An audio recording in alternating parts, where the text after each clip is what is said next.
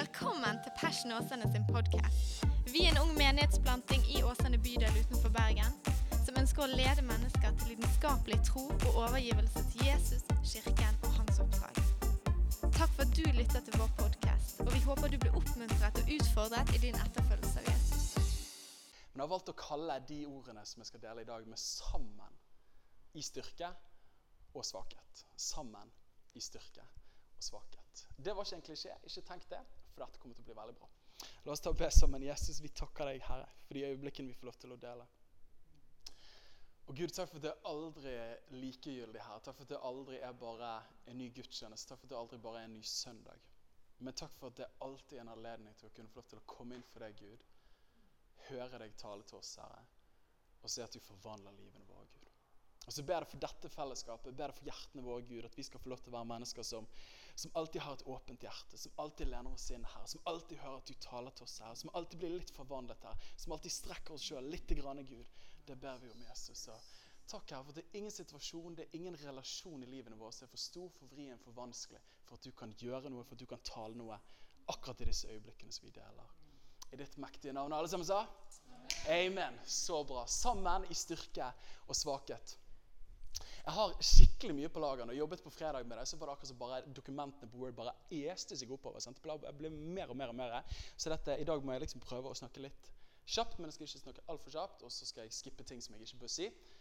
Og hvis du tenker at det der burde du bare skippe, så bare si 'skipp det'. Så kanskje jeg skipper det. Eh, men eh, jeg har mye bra på hjertet. All right, da begynner vi. Én, to, tre. Når jeg tenker Det ble veldig kunstig. Når jeg tenker tilbake på livet mitt, så Det er litt rart, det òg. Eh, der er vi. Helen, sant? hun spiller jo piano her, det er jo nydelig. Men hun har en eh, lillebror, og han heter Sverre. Og når jeg tenker tilbake på livet mitt, så eh, ser jeg det at jeg har vært veldig velsignet i livet mitt til å ha venner som jeg har kalt gode venner. Eh, og min første skikkelige bestevenn, og det sa jo man når man var liten, da hadde man bestevenner, det var Sverre. Det var Sverre-Ulfen. Sverre Mjelstad. Fantastisk. Og vi gjorde all slags mulige greier sammen. Vi hadde lommekniver vi samlet på en periode. Vi syklet utover hele Tertnes her en periode. Vi hadde hytter over hele Tertnes. liksom hytter, Fjellsider. Så vi tenkte dette er hytten. Og så hadde vi en kongehytte ikke langt fra der jeg bodde, siden jeg bestemte. Eh, og så etter hvert som årene gikk, så ballet det litt på seg. Og utover ungdomsskolen så kom Mathias med i klanen, så det var veldig bra. Da begynte hans liv, og så kom Mats med etter hvert. Og så har vi vært et firkløveri, og så med årene så har det blitt enda flere mennesker som har kommet til. Og så har man hatt noen gode og rike vennskap. Og her i Passion så er jeg så glad for at man har kunnet fått lov til å ha de gode vennene da, en god stund. Men på samme måte som jeg opplever at vennskap har vært en av livets store rikdommer i livet mitt, så er det sånn at vennskap på samme måte som det kan være en av livets store velsignelser, så kan det være også en av livets store vanskeligheter. Og det er få ting, om kanskje noen ting, som kan være så ondt og smertefullt og nært som relasjoner. Og Jeg tror ikke du skal ha levd så veldig lenge på denne kloden her før man erfarer akkurat det at vennskap det kan være fantastisk, men det kan òg være ganske krevende iblant. Den vennen som du betrodde deg til, men som endte opp med å vende ryggen til deg, fortelle de tingene du hadde fortalt til noen andre, sviktet deg, valgte deg bort for en annen person eller som vi dessverre kjenner kanskje litt for mange mennesker som har lagt ut på livets reise i håp om at vi skulle dele livet sammen med en person.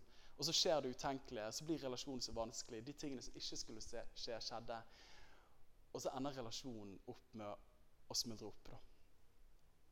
Eller kanskje det som er veldig vanlig for mange av oss, er ønsket om den vennen eller de vennene som man bare aldri fikk. Man ser andre ha gode vennskap, men så opplever man at man ikke få det gode vennskapet sjøl. Er dere med meg? Og vennskap, det er Det er et så svært ord. Og det kan være en sånn velsignelse, men det kan òg være noe så vanskelig. Og hvorfor det? Jo, vennskap pga. at det er ikke noe som heter solovennskap. Det er ikke sånn 'Du og meg er bestevenner, men jeg svarer aldri på meldingene dine.' Sånn, Det skjer ikke. Bestevennskap eller bestevennskap. Vennskap det krever at vi involverer oss. Det krever at vi gir noe av oss sjøl. Og med en gang du gir noe av deg sjøl, og for de av oss var på ekteskapskurs i går, så lærte vi om gjennomsiktighet og sårbarhet. Men idet du er gjennomsiktig, så er du sårbar. Og det finnes en reell potensial virkelighet for å bli avvist der. Og Det er det som gjør relasjoner og vennskap så utrolig vanskelig. Og jeg tror flere av oss har tenkt det. Jeg har tenkt det i mitt liv. Hvis vennskap kan være så vanskelig, er det virkelig verdt? Hvis vennskap, hvis de virkelig gode, nære relasjonene kan være så smertefullt hvis det slår feil, er det verdt at det virkelig gir hjertet mitt ut på ny? Hvorfor skal jeg ha nære venner? Og hvordan kan jeg bevare disse nære relasjonene? Jeg har lyst til å snakke litt om det i dag. Jeg har lyst til å berøre akkurat det til å begynne med. Hvorfor trenger vi hverandre? Hvorfor trenger vi å være sammen? Og Det kan være at du har hørt masse ulike relasjonsundervisning tidligere, og jeg tror mange av oss har hørt mye forskjellig. Samtidig så er det det at vi trenger å forfriske disse tingene her. For det er så lett for at følelsene får trekke seg unna og gjøre seg gjeldende. Og så glemmer vi hva som egentlig er best for oss. Men hvorfor er det da sånn at vi trenger disse nære relasjonene, disse nære vennskapene? Jeg har lyst til å gå helt til første side av boken, eller en av de første sidene, når Gud skaper.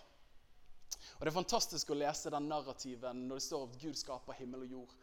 Og Så begynner han å danne, han skiller lys fra mørket, og så skaper han kloden. og så kjenner ikke historien altfor godt, men han gjør de tingene der som dere vet han gjør.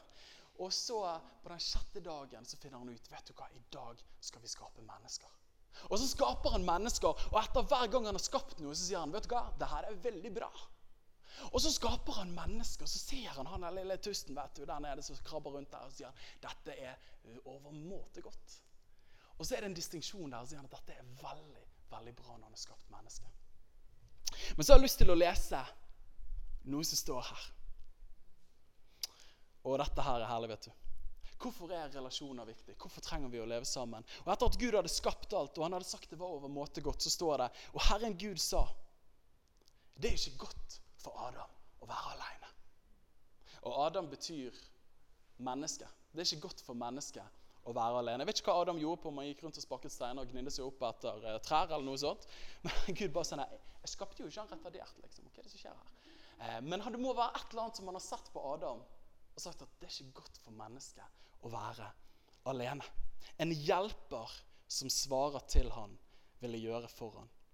Og så står det av jorden hadde Gud formet hvert dyr på marken og hver fugl i luften. Han førte dem til Adam for å se hva han ville kalle dem.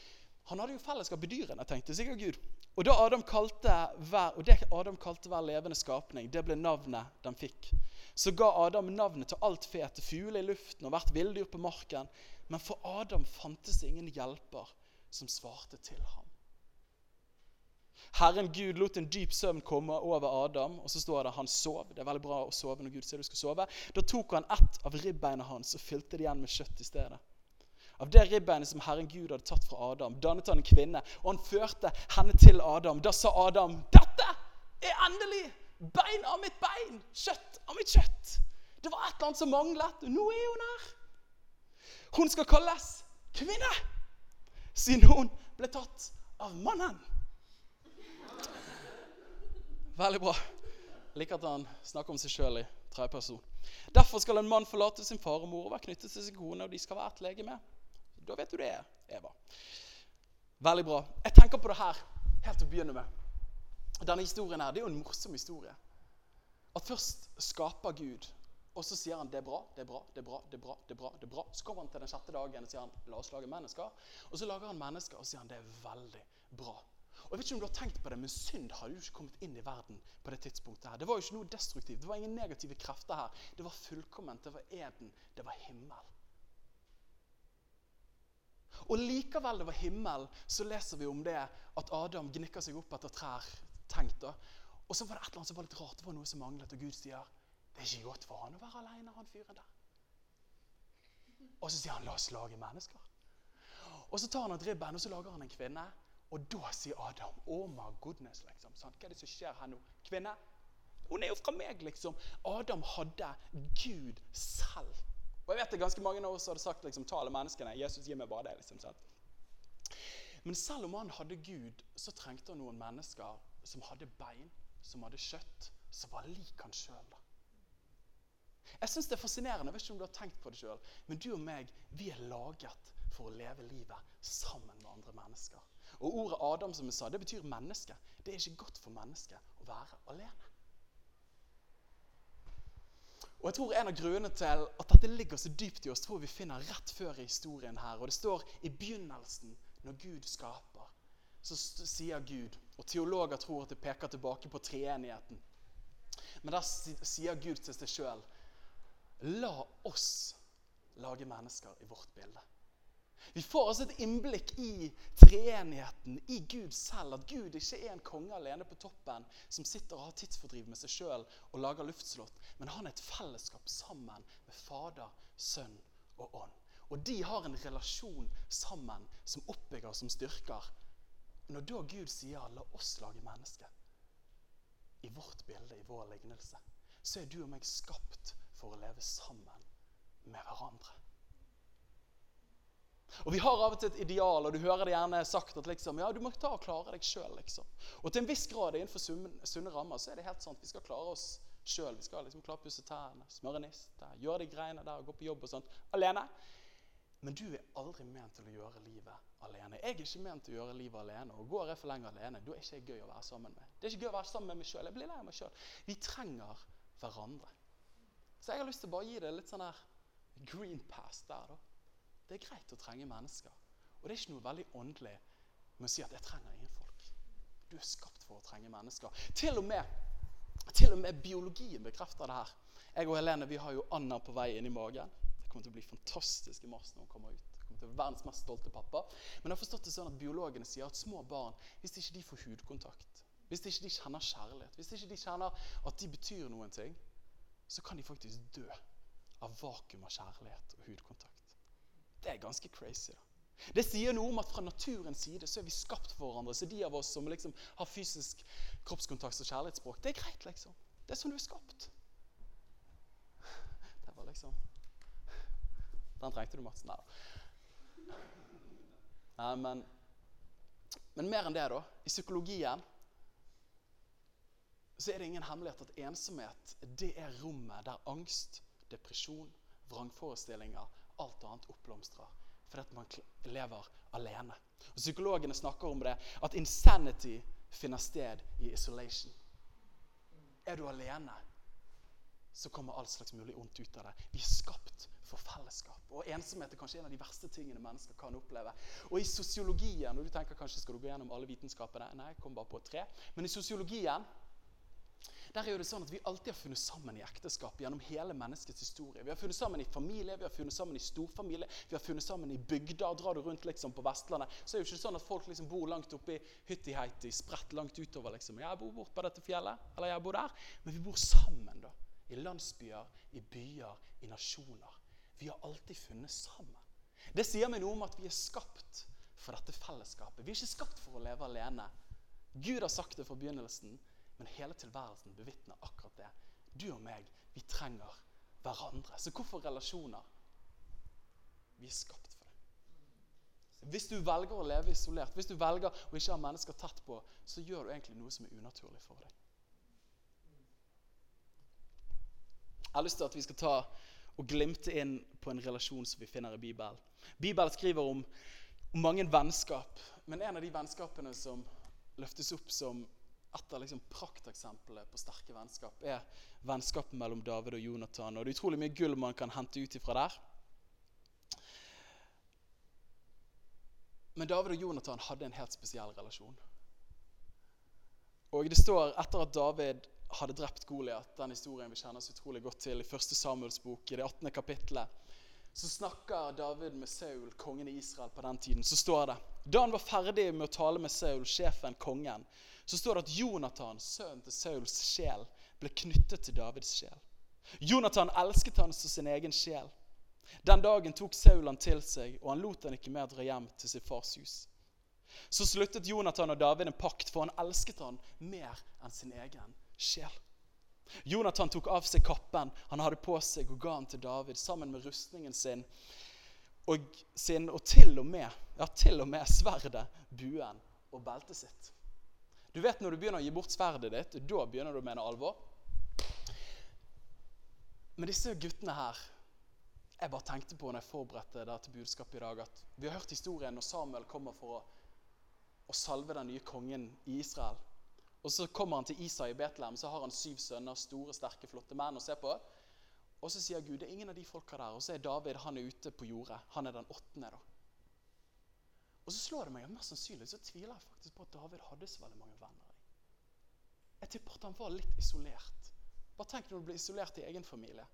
Du har gjerne ikke den confidence builderen som bare liksom går ut og inntar verden. da. Så jeg lurer på om Jonathan kanskje var en av de første vennene som David hadde.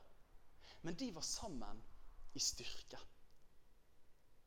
Og På dette tidspunktet her så hadde David vunnet over Goliat. Den største utfordringen Israel hadde møtt på lang tid. Kongeriket var på vei oppover. Jonathan var kongen sin sønn.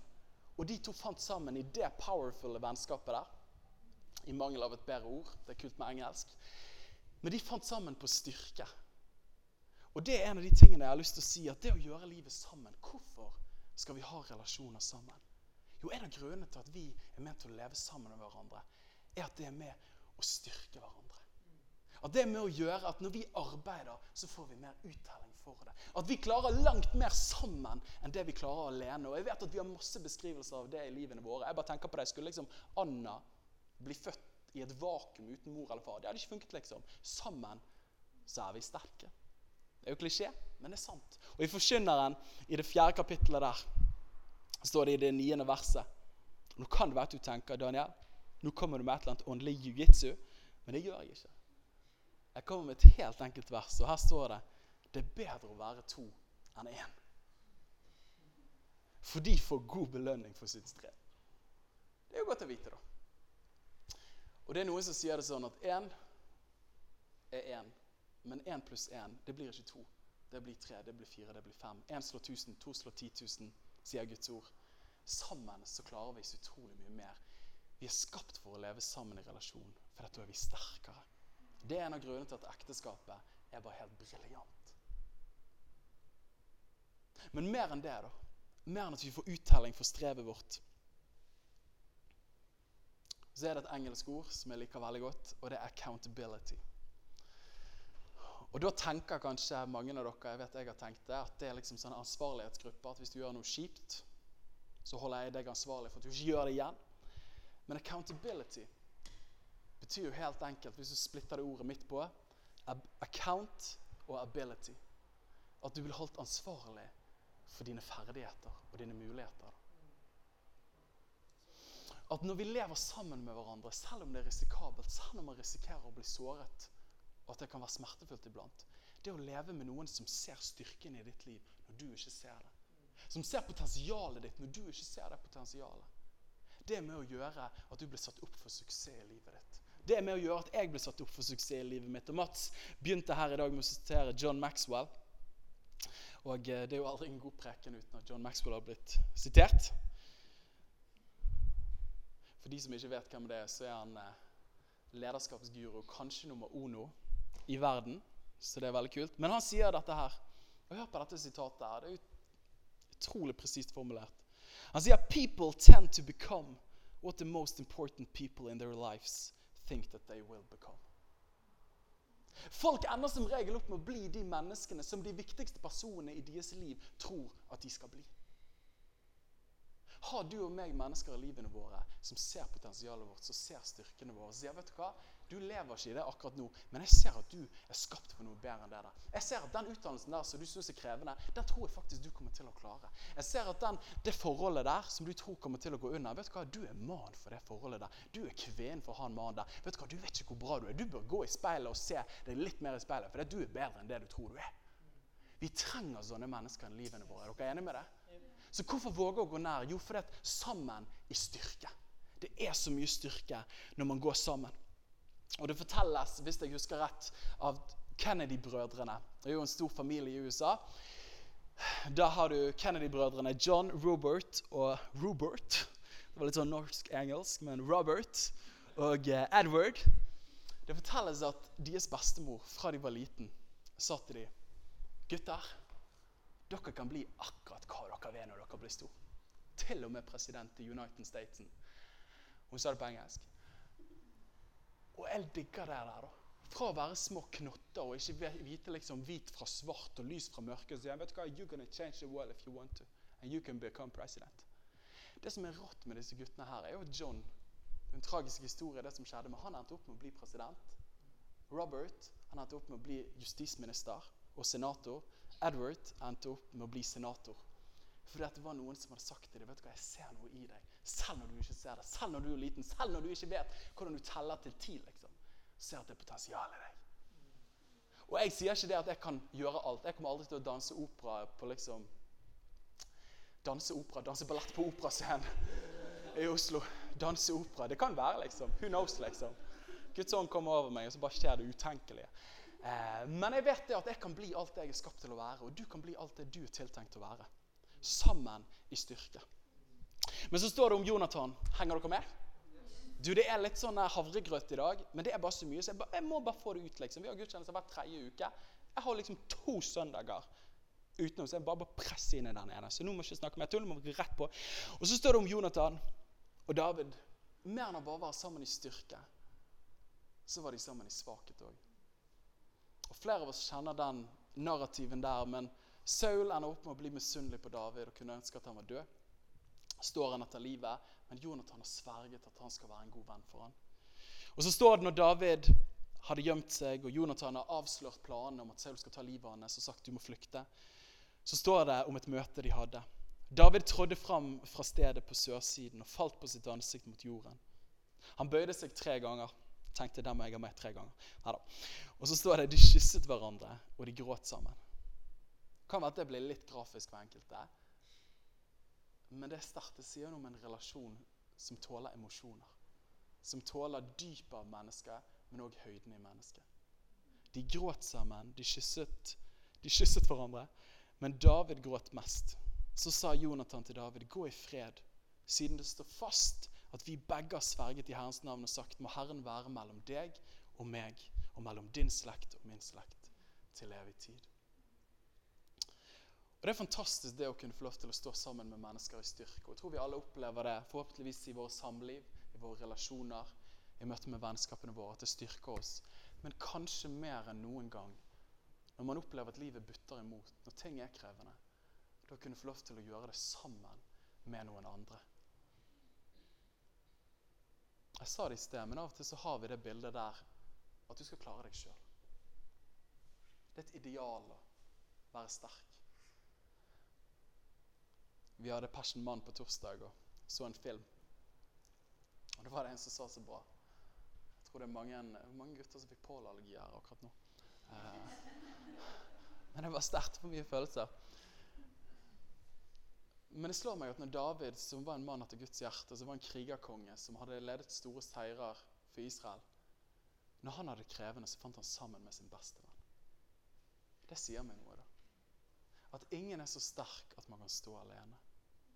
Og til og med Jesus, når God's man of power for the hour meldte sin entré til jorden, så sier ikke han jeg skal ha en solotur ned i Israel på tre og et halvt år, og så drar jeg rett hjem til pappa igjen. Så fortsetter vi partyet. Men det første han gjør, er å kalle disipler. Han kaller tolv stykker. Og så kan man tenke ja, men han, han, kalte de for det var en strategisk plan for utbredelsen av riket. Nei, vet du hva som står? Det står at han kalte de til seg for at de skulle være sammen med ham. Det sier meg noe om at Jesus hadde behov for å ha mennesker i livet sitt.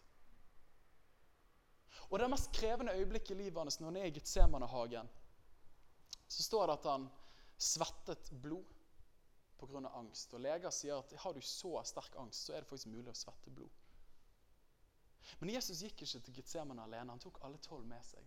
Og så står det at han tok Peter, Jakob og Johannes enda mer med seg når han gikk litt videre. På sitt mørkeste i livet så hadde Jesus mennesker der. Har du og meg mennesker der? Hvis Jesus trengte det, da trenger du og meg det òg. Jeg syns det er så oppmuntrer deg. At Hvis Jesus, som er vårt største forbilde, han sier vet du hva, jeg fikser ikke dette helt alene. For han visste hvordan mennesket er skapt sammen. Så hvorfor være sammen? Jo, fordi at vi trenger mennesker i vår svakhet. Og Jeg må bare smelle på forkynneren. Det blir ikke et åndelig jiu-jitsu-vers nå heller. Men jeg fortsetter der jeg leste i sted. For hvis venner faller i kapittel 4 og fra vers 10 til 12 For hvis venner faller, vil den ene reise opp sin venn. Dette er jo sånn ABC, men det er det vi trenger av og til. Vi reiser opp sin venn. Men ved den som er alene, eller stakkars den som er alene når han faller. For han har jo ingen til å reise han opp igjen. Likeså, når to ligger sammen, holder de seg varme. Aha. Det er ikke rocket science, det heller. Men hvordan kan en som ligger alene, holde seg varm? Spørsmålstegn. Selv om den ene kan bli overmannet av en annen, så kan to holde stand mot ham. Når du er langt nede, så trenger vi hverandre. Når jeg studerte sjelesorg en gang i tiden, teologistudiet, så sa en av pensumbøkene sin forfatter hun sa at mesteparten av profesjonell psykologi, psykiatri, kunne vært unngått om vi bare snakket sammen. Jeg tror hvis jeg husker rett, sånn opp mot 90% kunne vært unngått om vi snakket sammen, om vi så hverandre inn i øynene og sa 'Hvordan har du det egentlig?' Og så tar du hodet litt på skakke. Da vet du at det er alvor. Hvordan har du det egentlig? Du, Jeg ser at du går gjennom noe vanskelig. Kan du og meg ta møtes en gang i uken det neste halvåret, sånn jeg kan få lov til å bare se at du kommer gjennom? Vi trenger sånne vennskap. Jeg drømmer om det i Passion. At ingen skal leve sånne isolasjonsliv. At ingen har en fin fasade når vi kommer sammen, men når vi lever for oss sjøl, så er det veldig krevende. Jeg ønsker at vi skal være sånne folk som involverer oss. Som sier at har du det kjipt, da har jeg det kjipt. Og det er Noen som sier at delt glede er dobbel glede, men delt sorg det er halv sorg. Og Hjerneforsker Caroline Leaf hun sier i boken Who Switched Off, Who Switched Off My Brain en fin bok å lese hvis du føler at hodet bare koblet av. Det er derfor jeg har den. Du kan låne den meg. Men hun sier sånn som dette her. Hun sier at Forskning tilsier at 87% av fysiologiske plager stammer tilbake fra indre anliggende. Og jeg, når jeg leste det tallet, så bare tenker jeg oh my goodness, liksom, dette kan ikke stemme. Men det sier noe hvor viktig det er innsiden av oss. da. Min søster holder jo på nå og eh, tar videreutdanning i psykiatrien innenfor uh, sykepleier. Og så kom hun til meg en dag og sa Daniel, du vil ikke tro hva jeg har funnet. Vet du hva jeg leste i pensumboken? De har funnet det at stresshormonet i kroppen til mennesker Når du åpner munnen din til andre folk og sitter ord på tanker og følelser som er krevende, så synker stresshormonet i kroppen din. Åh! Er ikke det oppmuntrende? Du og meg, vi er skapt for hverandre. Vi er skapt for å gjøre livene sammen. Vi er skapt for å ikke bære ting alene. Vi er skapt for å komme sammen og hjelpe hverandre. Og jeg vet fra mitt eget liv at det å kunne få lov til å sitte seg ned med en person som man har tillit til, som man stoler på, og kunne få lov til å si vet du hva, dette er krevende, så er det akkurat som det store fjellet som du går og bærer alene. I det du deler det, så er det akkurat som det er et halvt fjell igjen. At halve helbredelsen er bare å kunne dele med hverandre. Og det er så frigjørende, det. Så hvorfor trenger vi hverandre? Jo, for det første vi er skapt for å leve sammen. Vi er skapt for å leve sammen i styrke. Og vi er skapt for å leve sammen i svakhet. Så det var hvorfor. Men hvordan, og jeg har lyst til å avslutte med det Hvordan kan vi få disse nære, gode, sterke vennskapene og relasjonene og bevare det i et lange løp. Og Dette tror jeg det er ett ord som jeg har lyst til å smelle opp for oss som et fellesskap. Og Det ordet finner vi flere ganger i skildringen mellom David og Jonathan sin relasjon. Så står det ett ord der som jeg syns er Jeg tror kanskje jeg vil driste meg til å si at det er en tapt skatt i vårt samfunn. Og det er nemlig det ordet pakt. Så står det i 1. Samuels bok 18.3 om relasjonen deres. Så sluttet Jonathan og David en pakt. For han elsket han som sin egen sjel. For han elsket ham som sin egen sjel. Så sluttet de en pakt, for han elsket han som sin egen sjel. Vær med meg på denne her. Han elsket han. Han hadde kjærlighet til en person. Han hadde kjærlighet til en relasjon. Men for at den kjærligheten skulle bli bevart i trygge rammer, så trengte man å ha en pakt. For pakten er det definerende, det sterke rammeverket, betongen, som gjør en relasjon trygg i det lange løp. Og I samfunnet vårt så har vi gått fra paktsrelasjoner til kontraktsrelasjoner. Og Der pakten sier 'jeg står her fordi jeg valgte det', så sier kontrakten 'jeg står her så lenge du oppfyller dine forpliktelser'. Er dere med meg? Det er natt og dag i forskjell. Der skikkelige paktsrelasjoner tar et valg om relasjon ut fra forpliktelse, så tar kontraktsrelasjoner et valg ut ifra følelser. Og hvem vet det at livet kommer til å servere meg og deg berg-og-dal-bane av emosjonelle opplevelser? Det er bare å gå inn og se på nyhetene. Så er du glad, og så er du trist, og så er du mest trist. Så blir du litt glad igjen. Følelsene forandrer seg. Og Sånn er det med vennskap òg. At det går opp, det går ned. Men vi trenger å gå tilbake til disse paktsrelasjonene her. I sosiologien så ser man det når man studerer familieendring. At Tidligere så giftet jo man seg når man hadde fått et kjæreste og forlovet seg, og så giftet man seg. Man var ikke samboer. Men fra 70-tallet og utover så har jo det tiltet helt rundt at man er samboer, og så gifter man seg. Hvorfor det? Jo, for Man vil prøve om den andre er verdt det, om de har det som skal til. På alle slags mulige måter, Om jeg virkelig kan stole på deg. Og I dag så sier statistikken hvis jeg har gjort min lekse rett på Statistisk sentralbyrå, at ni av ti er samboere før de gifter seg. Og Flesteparten av barn som blir født i dag, de blir født, Førstefødte barn blir født i samboerskap og ikke i ekteskap. Og er det ingen fordømmelse, eller noe sånt, men jeg sier at det er en tidstrend som vi trenger å bli bevisst av. At man er mer opptatt av følelser enn forpliktelser som regel. Og jeg har lyst til å være skikkelig trygg før jeg forplikter meg. Og En undersøkelse som ble gjort, viste det at lengsel etter ubetinget kjærlighet er like sterk og like jævlig i denne generasjonen, hvis det ikke er mer enn i noen generasjon tidligere. Men det som ikke var til stede, som var til stede tidligere, det var at villigheten til å forplikte seg var fraværende. For man kunne jo ikke være sikker på at de var den de sa at de var. Og hva er greien her? Vi lengter etter ubetinget kjærlighet, men vi er ikke villige til å forplikte oss. Det er to motsetninger som aldri lar seg forene. For ubetinget kjærlighet finnes bare når jeg inngår i en pakt og sier at 'jeg blir her'. Uansett hva som kommer, uansett hva som skjer. Jeg blir her. Da kan ubetinget kjærlighet, da kan vennskapets virkelige rikdommer finne sted og bli bevart. Og Det ser vi i David og i sitt liv. Og I dag ble det litt sånn havregrøt til dere. Jeg sa det. Men jeg har så vanvittig tro på det jeg snakker om akkurat nå i kveld. Jeg har så utrolig tro på det det å kunne virkelig gjøre livene sammen i styrke og svakhet. Hvorfor er det viktig? Du og meg blir skapt for det. Det ligger bort til en A. Prøver du å gjøre noe annet, så prøver du å være noe du egentlig ikke er. For du er skapt for meg. Du er skapt for deg. Kanskje ikke akkurat meg, men du er skapt for noen folk. sant? Og så er vi skapt for å være sammen i styrke, vi er skapt for å være sammen i svakhet. Men hvordan vedlikeholde det? Hvordan få gode vennskap?